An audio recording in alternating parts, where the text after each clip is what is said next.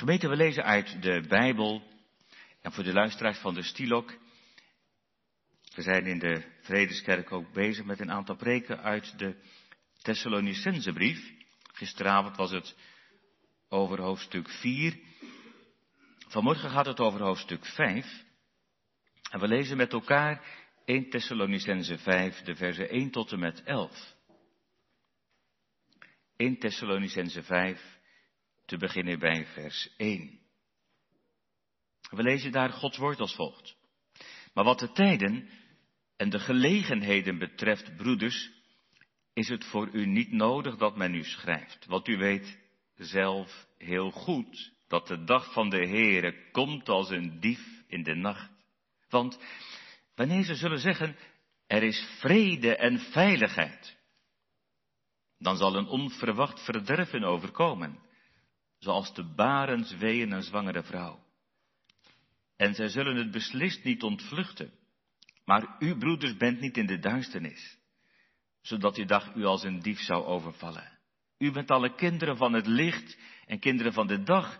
Wij zijn niet van de nacht en ook niet van de duisternis. Laten wij dan niet evenals de anderen slapen. Maar laten we waakzaam zijn en nuchter, want zij die slapen, slapen s'nachts. En zij die dronken zijn, zijn s'nachts dronken. Maar laten wij die van de dag zijn, nuchter zijn, bekleed met het borstharnas van geloof en liefde, en met de hoop op de zaligheid als hel. Want God heeft ons niet bestemd tot toren, maar tot het verkrijgen van de zaligheid, door onze Heere Jezus Christus, die voor ons gestorven is, opdat wij, het zij we waken, het zij we slapen, samen met Hem zouden leven. Bemoedig elkaar daarom en bouw de een de ander op, zoals u trouwens al doet. Tot zover. De tekst voor de preek is vooral het achtste vers. Maar dan ook wel in het verband waarin die woorden staan. Het achtste vers, ik lees dat ook. Maar laten wij die van de dag zijn, nuchter zijn. Bekleed met het borstharnas van geloof en liefde en met de hoop op de zaligheid als helm. Het thema voor de preek is heel kort, jongens en meisjes, dat kun je makkelijk onthouden. Wees wakker. Ja, dat is niet omdat jullie liggen te slapen, want jullie zijn best wakker. En toch wees wakker. Dan zul je wel merken waar het over gaat. Dat is natuurlijk als je slaperig wordt in de kerk, maar dat is ook op een heel andere manier. Om wakker te zijn. Wakker te zijn, dat heeft alles ook te maken met het bidden. Wees wakker. Gemeente, wat is dat mooi. Dat huppelen van zielenvreugd, daar zij hun wens verkrijgen. Is dat nou ook jouw verlangen? Verlang je daar ook naar? Dat je dan bij de Heer Jezus mag zijn. Staat het ook zo mooi, hè, van hun blijdschap zal dan onbepaald, onbegrensd door het licht dat van zijn aanschijn straalt. Eigenlijk alleen maar door het zien van Jezus. Ten hoogste top hun stijgen. Kan het je ook wel eens te veel worden. Maar dat is ook iets van dat machtige dat het verlangen wekt naar Hem. Daar zij hun wens verkrijgen. Is dat nou ook jouw wens, uw wens, mijn verlangen? Gemeente, wat, wat staat ons te wachten? Ja, wie zal het zeggen? Daar kunnen we hele beschouwingen houden, maar daar heb ik helemaal geen zin in. Daar ben ik ook niet toe geroepen. Dat doen genoeg mensen. Wij weten wel hoe onzeker de toekomst is. En wat zal het vervolg van de coronacrisis zijn? Wat, wat zal er gebeuren met de economie internationaal? maar ook in je eigen familie, je eigen leven. Wij weten het niet. Maar wat weten we wel? Nou, daar gaat het vanmorgen over. Wat weten we wel? Daarover schrijft de apostel Paulus in 1 Thessalonicense, ook in dat vijfde hoofdstuk. Hij zegt in het tweede vers, hij zegt, want u weet zelf heel goed dat de dag van de Heere komt. Als een dief in de nacht. Dat weten we wel. Jezus komt terug.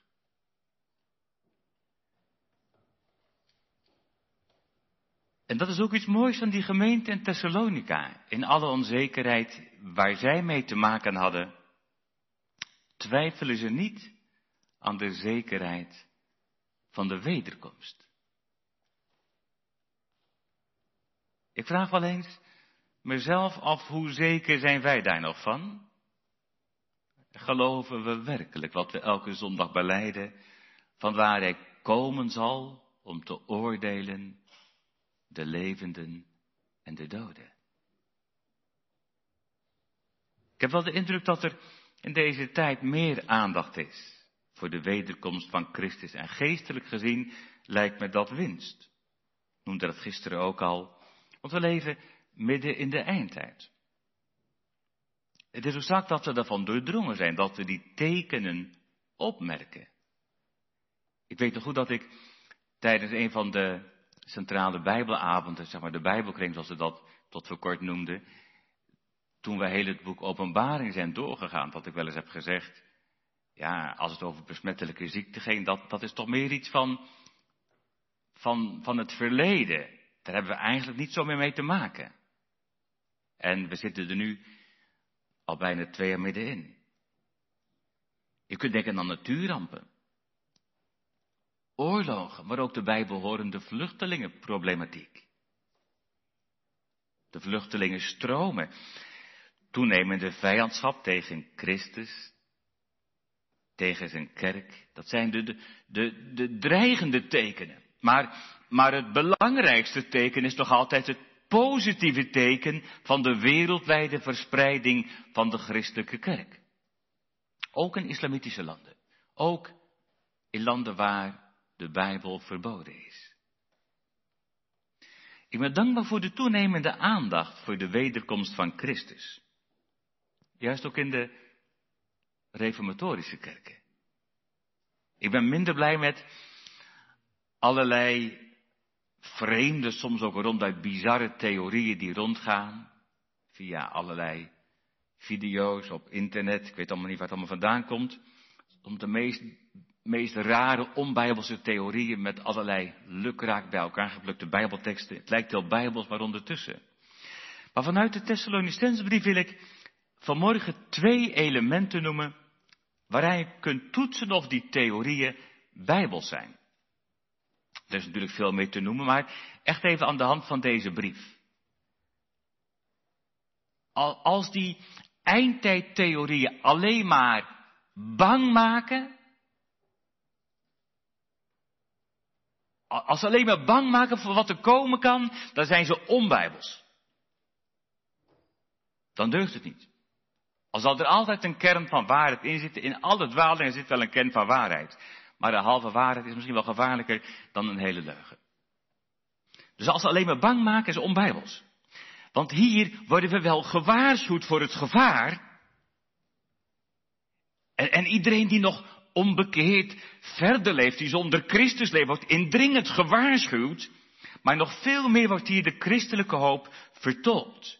Die hoop voor de toekomst. Denk ook aan de preek van gisteren. Centraal staat die hoop voor de toekomst, midden in de eindtijd, juist in de eindtijd. Het tweede element, waarin je de hedendaagse eindtijdtheorieën kunt toetsen, dat is de voorspelling van de dag. Theorieën die ons precies willen vertellen hoe ver we zijn in de tijdschaal, die precies willen vertellen hoe lang het allemaal nog duurt en wat er allemaal gaat gebeuren. En wanneer Christus zal terugkomen, zijn onbijbels. Al kunnen ze goed bedoeld zijn, maar het is onbijbels. Want Jezus heeft zelf nadrukkelijk gezegd dat niemand van tevoren weet wanneer. Wie naverzoeken, Matthäus 24, vers 36. En dat was ook het onderwijs van Paulus in Thessalonica. Hij zegt in vers 1 en 2, lees maar mee, wat de tijden en de gelegenheden betreft. En dus precies wanneer het allemaal gebeurt. Broeders en zusters, is het voor u niet nodig dat men u schrijft. Want u weet zelf heel goed dat die dag van de Heere komt als een dief in de nacht. Dat wisten ze in Thessalonica blijkbaar al heel goed. Al was het een jonge gemeente, hadden ze weinig onderwijs gehad, maar, maar ze wisten, wij kunnen niet zeggen wanneer precies. En toch merk je in die brieven dat er een vurig verlangen leeft naar de wederkomst van Christus. En dat ze er zelfs van uitgaan, wij maken dat nog mee in ons aardse leven. En dat hoop ik zelf ook, dat we het mee zullen maken. Al zijn er ook dingen dat er ook van schrik. En dat ik denk, nou misschien nog maar even wachten. Want er zijn nog zoveel mensen die de Heer Jezus niet kennen.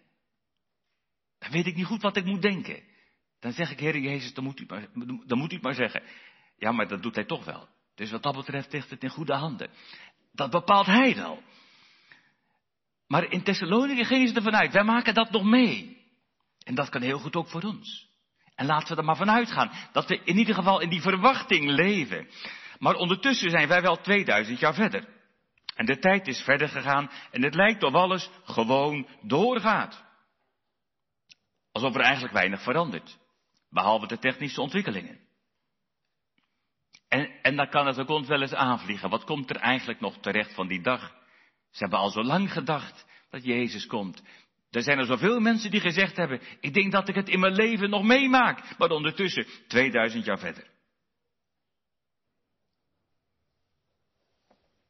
En dat het ons kan aanvliegen is niet vreemd. Want die verwachting van de wederkomst gaat zo radicaal in tegen de tijdgeest, tegen wat de mensen om ons heen denken, wat deze wereld verwacht. En we ademen dat in, iedere dag, dat wereldse klimaat. Dat sluit ook aan bij ons eigen zondige hart. Dat heeft invloed. Die knagende twijfel. En laten we wel zijn, die wederkomst is voor ons ook onvoorstelbaar. Daar wisten de apostelen alles van. Petrus zegt ergens in 2 Petrus 3, hij zegt, dat is net als in de dagen van Noach met de zondvloed. Dat was onvoorstelbaar. Je kon je niet voorstellen hoe dat zou gaan en wat er zou gebeuren. Maar zegt Petrus, het is wel gebeurd. Precies zoals de Heere had voorzegd. En we kunnen wel zeggen, die wederkomst laat al zo lang op zich wachten. Maar is dat vanuit God gezien wel zo? Juist rondom de kerstdagen zat ik zo te denken van, hoe lang hebben ze moeten wachten op de eerste komst van Christus? Hoe lang heeft dat geduurd voordat het kerstfeest werd? Nou, dat was toch op zijn allerminst 4000 jaar. En misschien nog wel meer.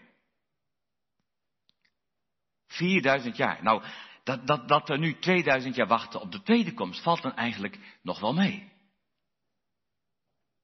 Ondertussen gaat het de apostel Paulus niet om berekeningen. Wat hij benadrukt is dat die dag onverwachts komt.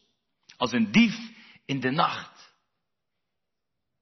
Nou zegt u, dat vind ik geen mooie vergelijking. Ik ook niet. Het is ook geen mooie vergelijking. Een dief. Nu kan dat ook vragen oproepen. Dat u zegt, ja, maar een dief die komt onaangekondigd. Als er nu een inbreker bij uw huis bezig is, die heeft het niet van tevoren verteld. En de Heer Jezus, die heeft het wel aangekondigd dat hij komt. En bovendien, een dief is niet welkom. Toch? Bij mij tenminste niet. En bij u ook niet. Een dief is niet welkom. Maar de Heer Jezus, die is toch wel welkom? Daar ging het gisteren over. Dat hij wordt verwacht. Dat hij wordt binnengehaald. Dat hij wel door zijn bruidsgemeente. Het gaat toch over die hoopvolle verwachting van de wederkomst. Het, het, is ook de vervulling van het verlangen van de bruid. En de geest en de bruid zeggen kom.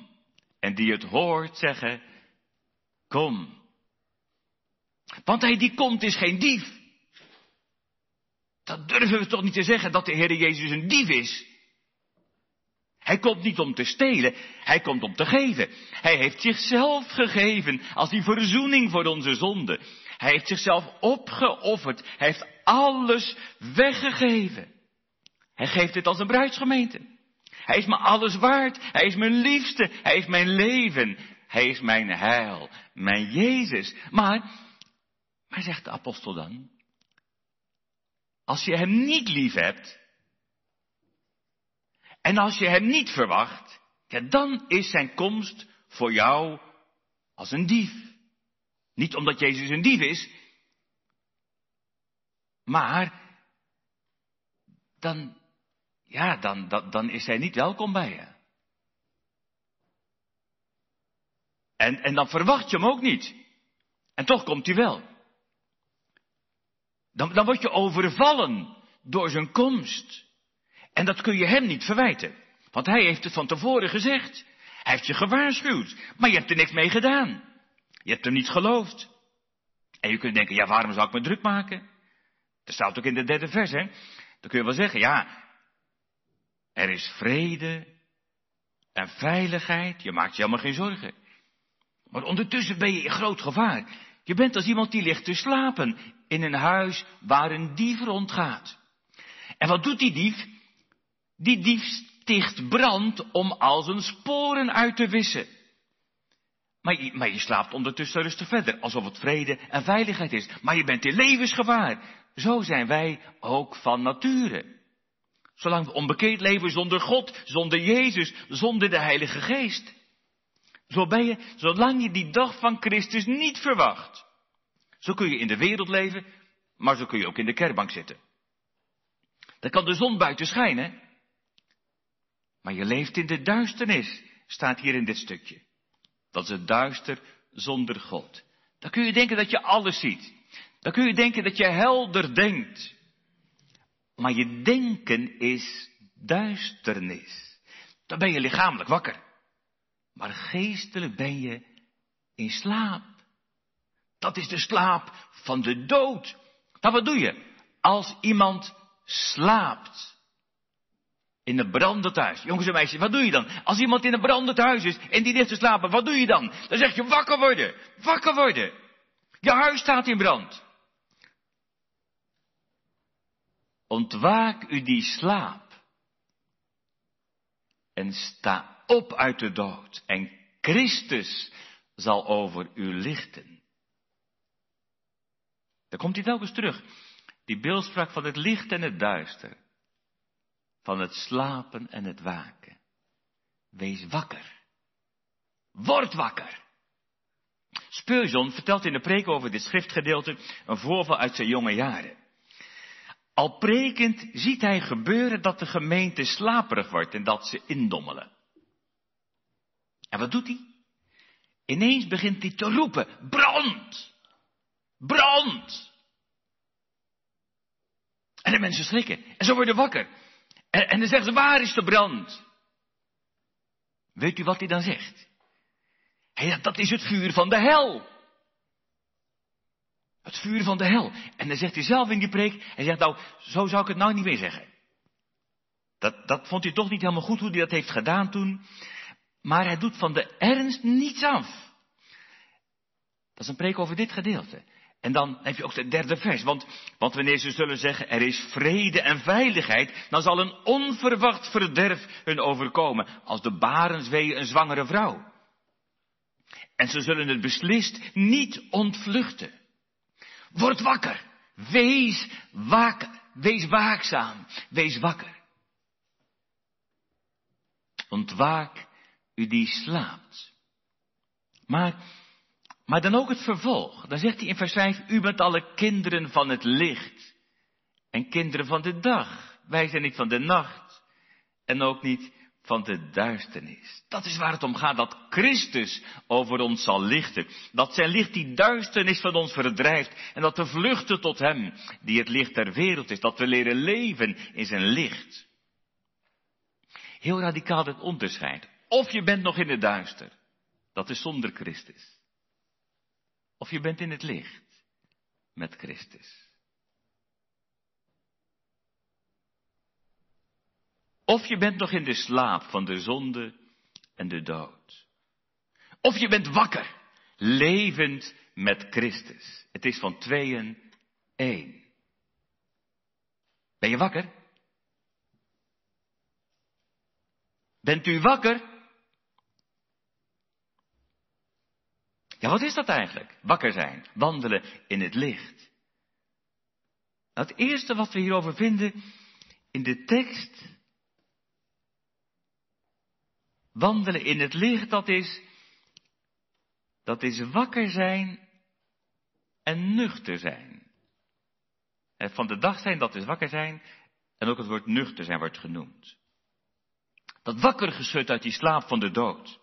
Dat wakker zijn, dat je het gevaar ziet, net als in dat brandende huis. Dat wakker zijn, dat je vlucht uit dat brandende huis naar Christus. Dat wakker zijn, dat je je voorbereidt op de dag dat Jezus komt. Wakker zijn, dat je waakt en bidt.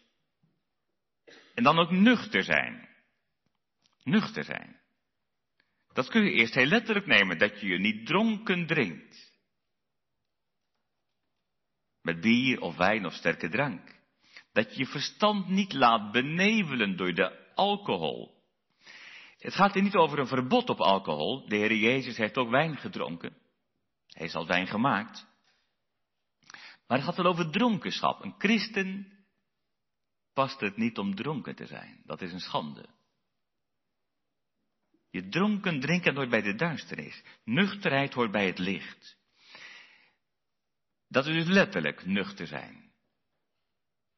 Maar het heeft ook een overdrachtelijke betekenis, dat begrijpt u wel, denk ik. Het gaat niet alleen over alcohol, het gaat ook over geestelijke nuchterheid. Dat we ons niet laten benevelen door vreemde invloeden of door verleidende geesten. Je niet laten benevelen door de hebzucht. Je niet laten benevelen door de verleiding van porno of overspel.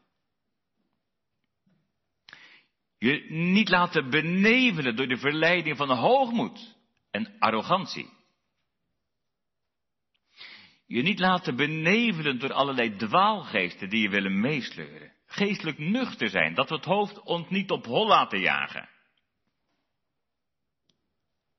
Ook niet door theorieën of weet ik wat, wat soms geweldig kan lijken. Dat je er leert doorheen te prikken. Het hoofd niet op hol laten jagen. Geestelijke nuchterheid, juist in deze verwarrende tijd. Maar laten wij die van de dag zijn nuchter zijn. Dat was nodig in Thessalonica. Dat is ook nodig in Veenendaal. Dat is nodig overal waar de kerk van Christus is. Laten we nuchter zijn. En in aanvulling daarop die beeldspraak van de strijd. Daar gaat het over een harnas. En jongens en meisjes, in jullie boekje is ook een mooi harnas getekend. Dat is heel mooi, zo'n plaatje van zo'n soldaat van vroeger. Dat kun je wel eens vinden in een, in een museum. Zo'n echt harnas. Soms mag je dat wel eens aantrekken zelfs. Dat is helemaal mooi. Dan mag je zo'n harnas aantrekken. Dan voel je een beetje hoe zwaar dat is. Daar gaat het hier ook over in de tekst. Lees maar mee. Bekleed met het borstharnas van geloof en liefde. En met de hoop op de zaligheid als de helm, die helm op het hoofd. Nou, wanneer doet de soldaat die wapenrusting aan? Dat doet hij als hij gaat vechten. Dat doet hij voor de strijd. Dat doet hij niet als hij thuis komt en, en lekker gaat eten en gaat uitrusten. Nee, dat doet hij als hij gaat strijden. Die wapenrusting herinnert ons aan de vijand. We hebben nog te maken met de vijand. Niet van vlees en bloed. We hebben er ook van gezongen. Psalm 68. Dat de Heer zal opstaan tot de strijd. Maar die echte vijand is niet van vlees en bloed, zegt de Bijbel. Maar het is die geestelijke vijand. Die geestelijke machten van de vijand. Die vijandschap tegen God. Wij staan nog in de strijd. De duivel was actief in het achterliggende jaar. Maar de duivel heeft zijn activiteit nog niet gestaakt. De duivel gaat ook door tot de laatste dag. Stel je voor een soldaat. Dan kan hij wel wakker zijn. Als een soldaat wakker is, dat is mooi, dat is belangrijk. Maar als hij alleen maar wakker is, dat is niet genoeg. Dan kan de vijand hem zo verslaan. Dat is ook in de geestelijke strijd. We hebben die wapenrusting nodig. Nu worden hier alleen enkele elementen genoemd alleen het borstharnas en de helm. In een ander hoofdstuk, Efeze 6, dan worden er nog meer dingen genoemd. En, en, je kunt er nog veel meer van zeggen, maar we houden het echt even op die dingen die hier in de tekst worden genoemd. Het borstwapen van het geloof en de liefde en de helm van de hoop op de zaligheid.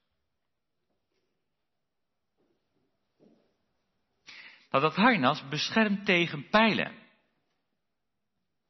natuurlijk ook het schild, maar het harnas beschrijft ook tegen zwaard steken en speerstoten.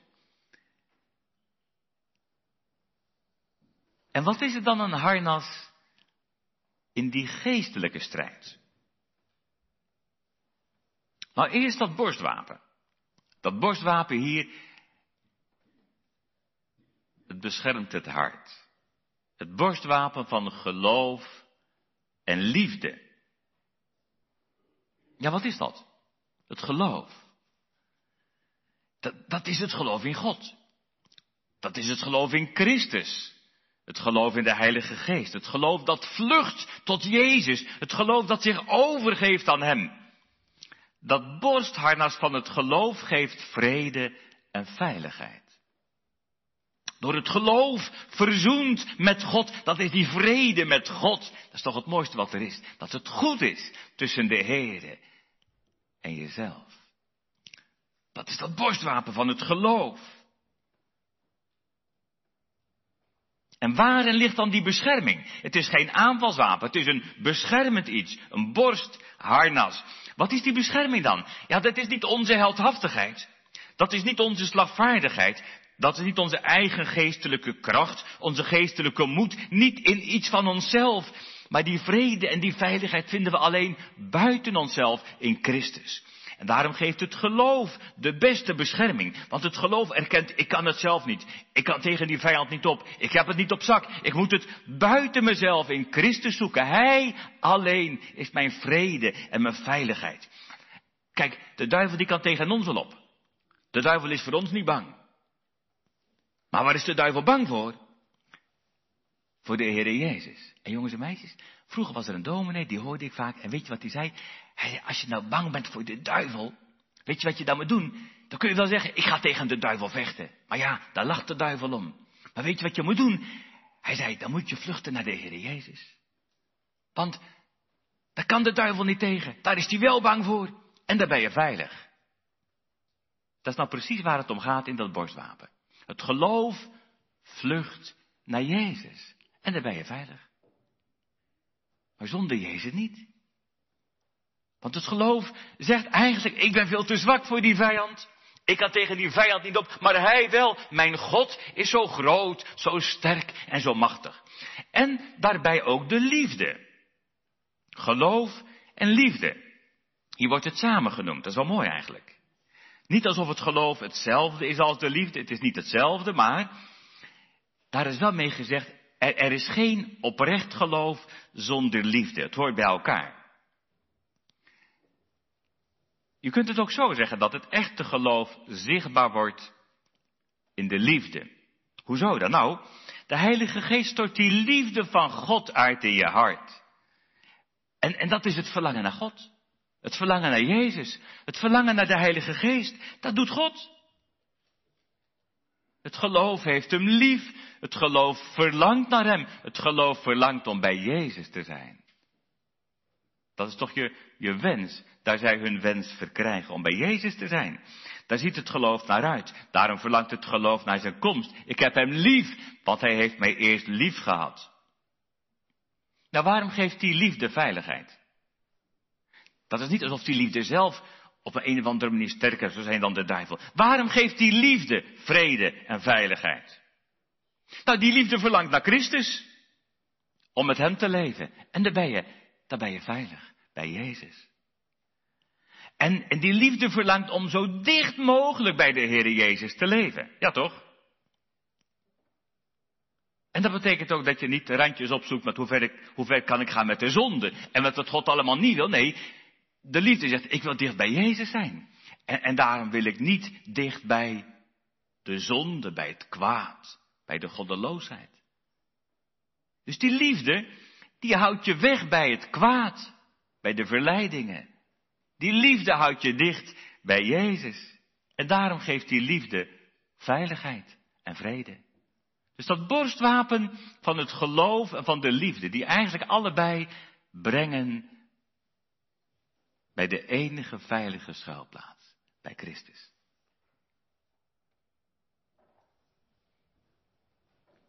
Dus die liefde en het geloof horen onlosmakelijk samen. Dat is eerst de liefde tot God. Maar u weet, als het over de echte liefde gaat, dat begint altijd met de liefde van God, het is de liefde tot God. Maar daar hoort ook altijd bij de liefde tot elkaar. En ook dat wil ik betrekken bij dat borstwapen. De liefde tot elkaar, ook dat heeft een beschermende werking. Hoezo dan? Nou, daar moet u ook maar eens over nadenken. De liefde tot hem heeft een beschermende werking, maar ook de liefde tot elkaar heeft een beschermende werking. Dat heeft te maken met wat in vers 11 staat. Bemoeder daarom elkaar en bouw de een de ander op. En ik vond een heel mooi voorbeeld bij dominee Den Boer in een uitleg van die Thessalonicense brief. Hij vertelt van een zendeling. Een zendeling in Tibet. Sundar Singh. En die zendeling was onderweg. Onderweg met een Tibetaner. Een zendeling in Tibet. Hè. Ze liepen daar en ze waren samen onderweg. En het begon te sneeuwen en te stormen. Een sneeuwstorm. En, en, en na verloop van tijd zagen ze langs de weg een man bewusteloos. Overvallen door die sneeuwstorm, net als zij. Maar die man was alleen, die man was gevallen. Hij was half bevroren. En daar die zendeling, zei, ik wil die man meenemen naar het dichtbijzijnde dorp. Maar die andere man, die Tibetaner, wilde dat niet. Hij zei, ja, maar straks dan komen we zelf niet aan. En, en, en die, die andere man loopt door. Maar daar blijft staan. En die hijst die bewusteloze man op zijn rug. Nou kunt u begrijpen, dat is een zware last. Hoe zal die zelf daar aankomen? En, en, en, toch, door die inspanning wordt hij zelf weer warm. En na verloop van tijd wordt ook de man op zijn rug weer warm. En hij slaat de ogen op. En hij komt weer bij. En, en zo lopen ze samen verder. Maar samen vinden zij opnieuw een man langs de weg. Die man was even gaan zitten, omdat hij moe was, hij wilde uitrusten. Maar die man was door de kou bevangen. En die man bewoog niet meer. Die man was overleden. Dat was de man die weigerde liefde te bewijzen. Het is maar een voorbeeld, maar wel een voorbeeld uit de praktijk. Dat laat zien hoe liefde ook concrete naaste liefde, die zich opoffert, die zich weggeeft, bescherming geeft. We denken vaak, als ik eerst maar aan mijn eigen hachje denk, dan ben ik veiliger. Maar voor je eigen veiligheid is het veel beter. Om je naaste lief te hebben als jezelf. Dat zegent de Heer. Leven uit het geloof gaat ook samen met de liefde. Tot Christus, maar ook tot elkaar. En daarbij ook de helm van de hoop op de zaligheid. Je zou kunnen zeggen, dat is, dat is die hoop voor de toekomst. Denk aan gisteravond. Die helm van, van de hoop op die toekomst, de hoop op de zaligheid. Die bijbelse hoop voor de toekomst, die geeft bescherming. Hoe dan? Hoe geeft die hoop op de toekomst bescherming? Die is als een helm om je hoofd. Die beschermt je hoofd. Omdat je gedachten naar van alles en nog wat gaan. En dan vergeet je God. Maar als je denkt aan de toekomst, dan weet je weer waar het echt om gaat. Dat geeft bescherming. Als je helemaal opgaat in het leven van alle dag en wie heeft het op zijn tijd niet, dan ben je zo druk met dit en met dat en dan denk je helemaal niet na over de dingen waar het echt om gaat. Maar door je te richten op de toekomst, zie je de dingen weer in het juiste perspectief. Dat geeft als het ware een soort overzicht, een soort wijdse blik. Net als dat je in het bos wandelt, je bent wat tussen de bomen. Maar het denken aan de toekomst helpt je om boven die bomen uit te kijken en het overzicht te zien. Dat is ook bij de, bij de reformatoren, maar ook in de vroege kerk, ook bij de Puritijnen, een heel belangrijk iets, de overdenking van het toekomstige leven. Dat is die helm van de hoop op de toekomst, die helm van de beloofde zaligheid, die overdenking om straks met Hem te zijn, om altijd bij Jezus te zijn. Het is een krachtige stimulans Om in het hier en nu met Christus te leven. Om toegewijd te zijn aan Hem die mij eerst heeft liefgehad.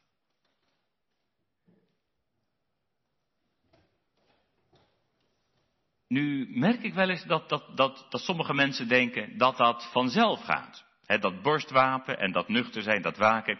Dan zeggen ze, als je maar eerst tot geloof en tot bekering komt, dan gaat het allemaal vanzelf. Maar als dat zo was, dan hadden we de Bijbel wel kunnen wegdoen. Dan was de Bijbel alleen maar voor mensen die de Heer Jezus nog niet kennen. Maar dan zou het daarna niet meer nodig hebben. Dat is een misvatting. Dat merk je ook in heel de Bijbel.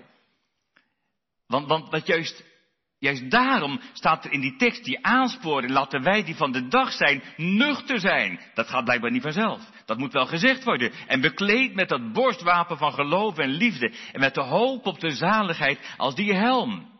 Want het gevaar is altijd aanwezig dat we verslappen. Dat we die waakzaamheid verliezen. Dat we die nuchterheid verliezen.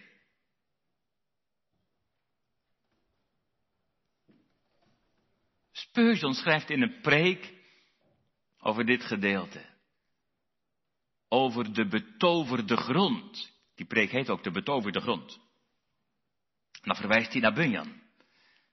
Die christenreis. Daar komt christen op een gegeven moment, dat aan het eind van de reis in een prachtig gebied. Een betoverend gebied.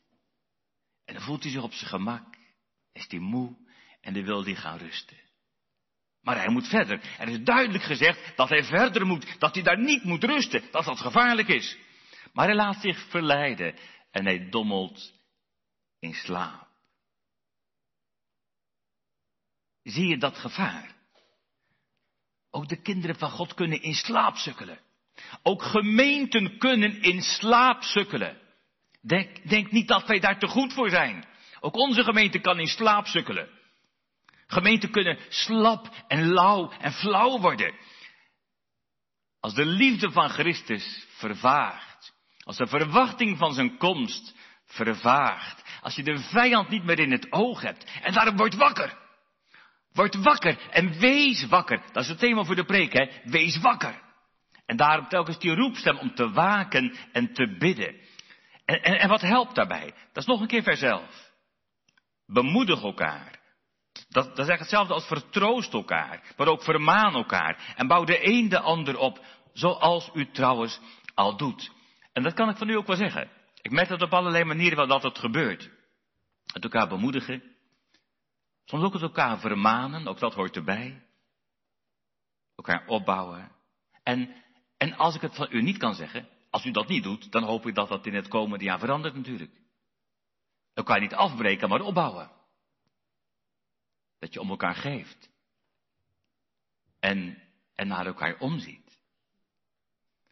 En, en, en hoe vermaan je en bemoedig je elkaar dan? Hoe bouw je elkaar dan op? Door elkaar te wijzen op Christus. Door te spreken over Christus. Door elkaar op te dragen aan Christus in het gebed. Door elkaar aan te sporen trouw te zijn in de samenkomsten van de gemeente. Door er te zijn, de ouderen, maar ook de jongeren en ook de kinderen natuurlijk. Door samen te luisteren naar zijn woord. Dat doet de apostel Paulus ook. In alles wijst hij ze op Christus. Als onze enige hoop. Als ons enige heil. Ik stip het nog even aan in vers 9 en 10. Dan wijst hij weer op Christus. Dat die ware vrede en veiligheid alleen in Hem is. Die voor ons gestorven is. Opdat wij met Hem zouden leven. Daar ligt die bron. In zijn lijden en zijn sterven. Daar vinden we de vastheid, de bron van de liefde en de vastheid van de hoop in Christus en in zijn volbrachte werk, in zijn verzoenende lijden en sterven. Hij voor mij, daar ik anders de eeuwige dood had moeten sterven. Hij voor ons gestorven, opdat wij, het zij dat we waken, het zij dat we slapen, met hem zouden leven. Leven met hem. En daarom nog één keer die tekst met het oog op het nieuw begonnen jaar. Laten wij die van de dag zijn, nuchter zijn, bekleed met het borstharnas van geloof en liefde en met de hoop op de zaligheid als helm. Want God heeft ons niet bestemd tot toorn, maar tot het verkrijgen van de zaligheid. door onze Heere Jezus Christus. Amen.